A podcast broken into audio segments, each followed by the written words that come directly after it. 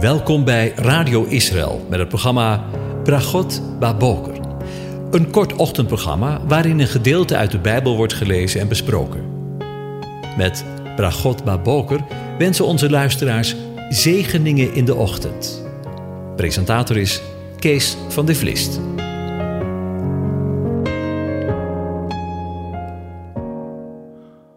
Hartelijk welkom, beste luisteraars. Vanmorgen gaan we weer verder met Psalm 22. Ik lees de eerste zes versen aan je door. Een psalm van David voor de koorleider op de hinde van de dageraad. Mijn God, mijn God, waarom hebt u mij verlaten? Bent u ver van mijn verlossing, van de woorden van mijn jammerklacht? Mijn God, ik roep overdag, maar u antwoordt niet, en s'nachts, maar ik vind geen stilte. Maar u bent heilig, u troont op de lofzangen van Israël. Op u hebben onze vaderen vertrouwd. Zij hebben vertrouwd en u hebt hen bevrijd. Tot u hebben zij geroepen en ze zijn gered. En op u hebben zij vertrouwd en ze zijn niet beschaamd. Tot zover. Over vertrouwen gesproken. De volgende keer hebben we stilgestaan bij de uitroep van David waarin hij zijn verlatenheid voor God uitriep, maar tegelijkertijd hem mijn God noemde in vers 2. We eindigden met de gedachte dat ook al voelen of merken we zijn aanwezigheid niet op, de Heere niet zal verlaten wie hem zoeken maar hij zal je aannemen en je niet loslaten. In vers 3 lezen we dan de woorden: Mijn God, ik roep overdag, maar u antwoordt niet, en s'nachts, maar ik vind geen stilte. Ook in dit vers horen we het geloof van David in zijn heiland als we hem horen uitroepen: Mijn God, mijn God. Maar we horen ook de vertwijfeling en het gevoel van verlatenheid dat hij zegt: Ik roep u overdag, maar u antwoordt niet, en s'nachts, maar ik vind geen stilte. Of het nu overdag is of nacht, David krijgt er geen reactie op de Heere God op zijn wanhopig gebed. David kon de stilte niet vinden, omdat God zelf stil bleef. Zijn situatie maakte het onmogelijk stil te zijn te zwijgen, zolang God zweeg. En David werd door de Heere de man naar Gods hart genoemd, notabene. En de geliefde. Hoe bestaat het, zou je denken? Als je geliefde je toch roept, dan kom je toch direct, zouden wij zeggen. Maar weet je, God kent de uitkomst al. Ook van de situatie waar jij in zit. Misschien vandaag wel. Misschien heb je je ogen vanmorgen open gedaan en is de dag als een zwarte deken over je heen gekomen. Misschien weet je niet meer hoe het verder moet. Weet dan dat de God van hemel en aarde vandaag ook tegen jou zegt, waar we de vorige keer mee geëindigd zijn. Heere, u zult niet verlaten wie u zoeken. Ook al voel je je alleen, je bent het niet.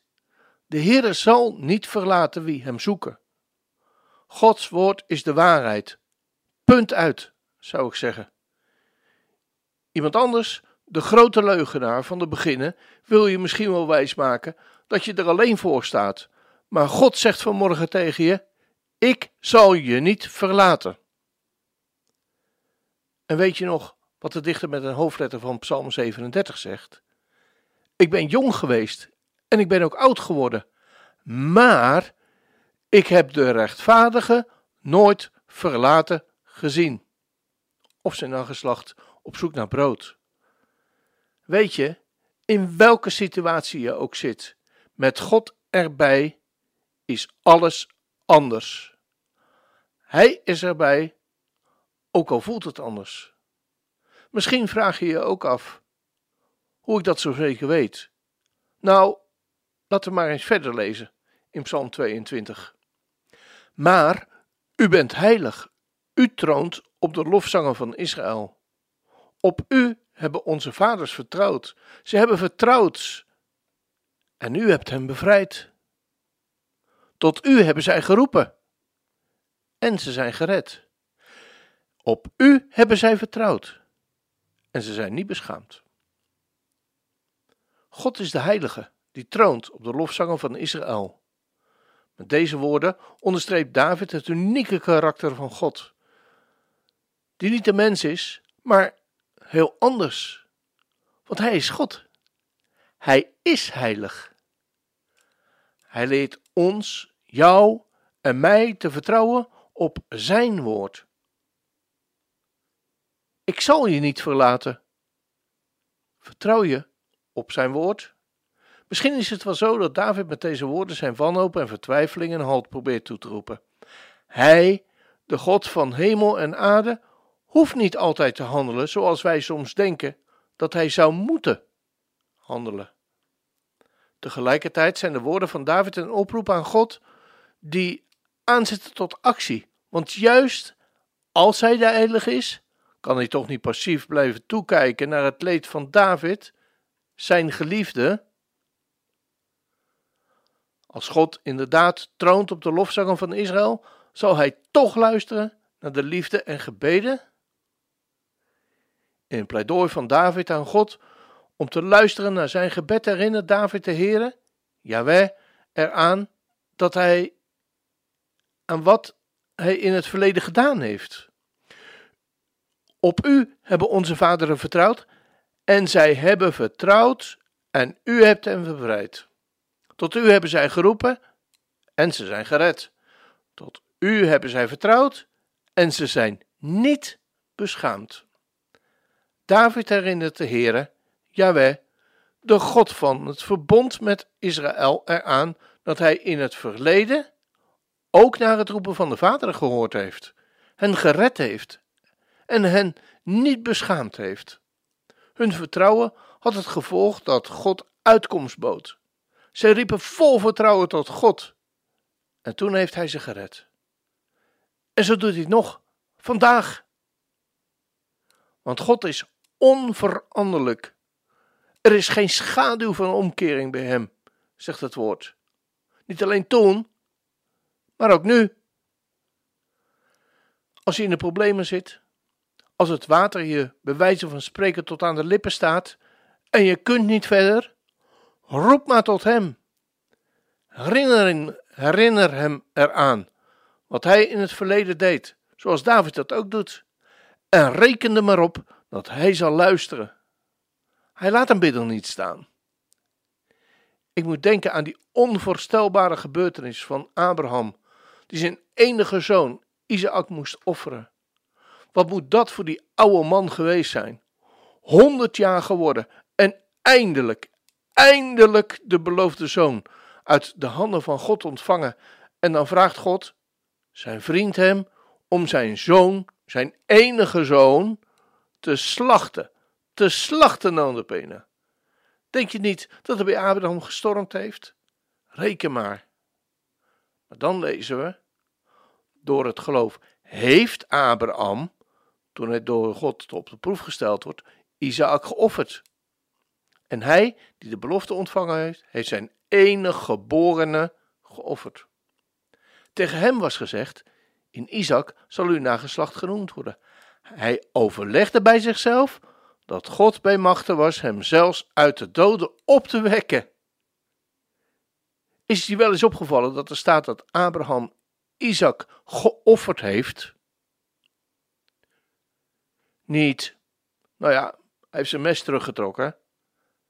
Maar in gedachten heeft Abraham Isaac geofferd. Maar Abraham overlegde bij zichzelf dat God bij machten was hem zelfs uit de doden op te wekken. Was dat nooit gebeurd?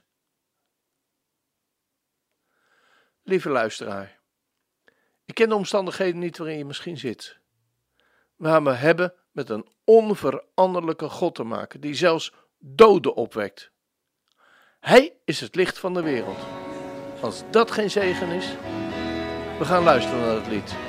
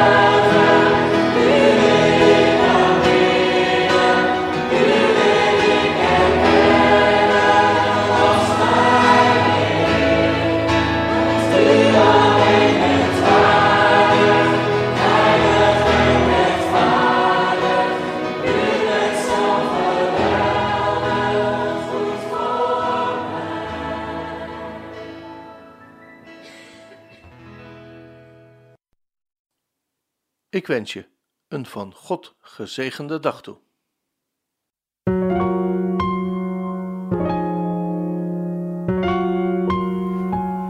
U hebt geluisterd naar het programma Bragot Baboker. Een kort ochtendprogramma waarin een gedeelte uit de Bijbel wordt gelezen en besproken. Wilt u het programma nog eens naluisteren, dan kan dat. Ga naar radioisrael.nl en klik onder het kopje radio op Uitzending gemist.